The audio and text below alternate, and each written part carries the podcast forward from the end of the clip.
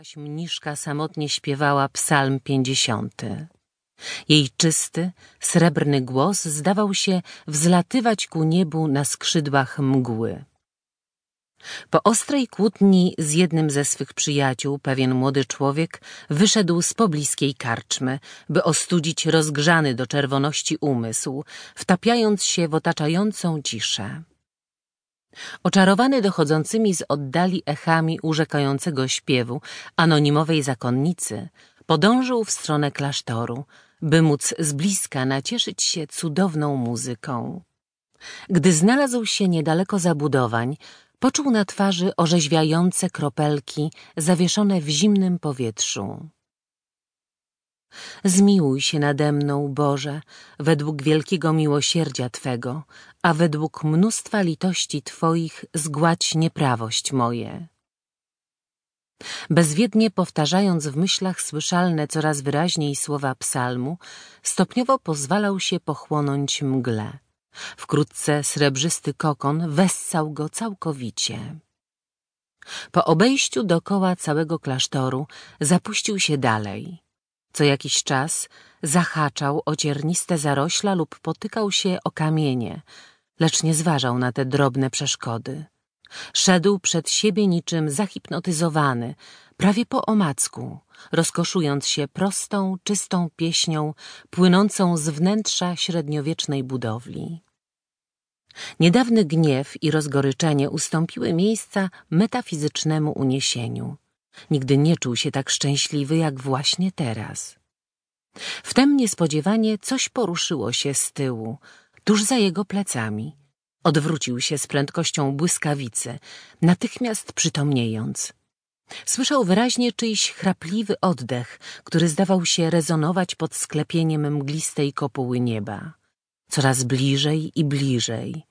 Zakonnica wciąż śpiewała, lecz jej natchniony, surowy mezzosopran znajdował się już poza zasięgiem młodego człowieka. Nagły, a zarazem bardzo silny cios kamieniem w potylicę odebrał mu wzrok, słuch i przytomność. Gdy napastnik pospiesznie opróżniał kieszenie swej ofiary, niechcący upuścił kilka monet.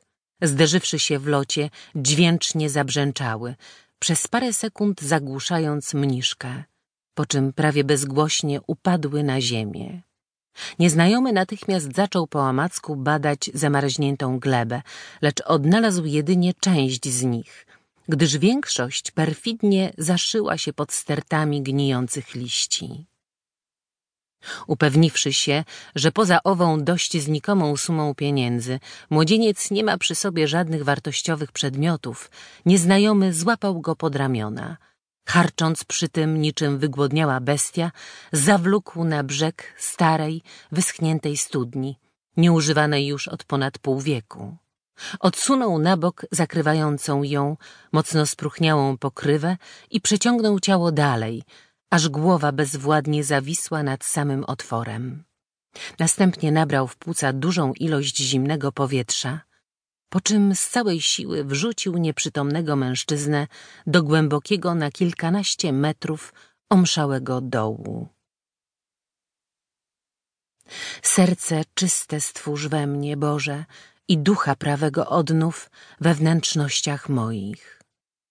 Niosło się po okolicy niczym żałobny tren, gdy złoczyńca z powrotem nasuwał gnijącą pokrywę na studnię, zasypując ją ziemią oraz resztkami martwych roślin.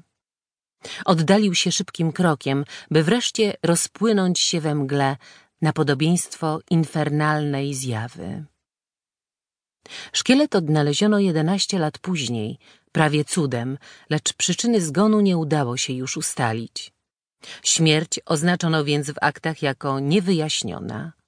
Po krótkim okresie ogólnej ekscytacji makabrycznym odkryciem, barwnie opisanym przez wszystkie bez wyjątku gazety, w jednym z dzienników do drastycznych szczegółów dołączono nawet odpowiednie ilustracje, wykonane oczywiście nie z autopsji, lecz z wyobraźni. Krakowianie zupełnie o nim zapomnieli. Rozdział pierwszy. Talizman Celiny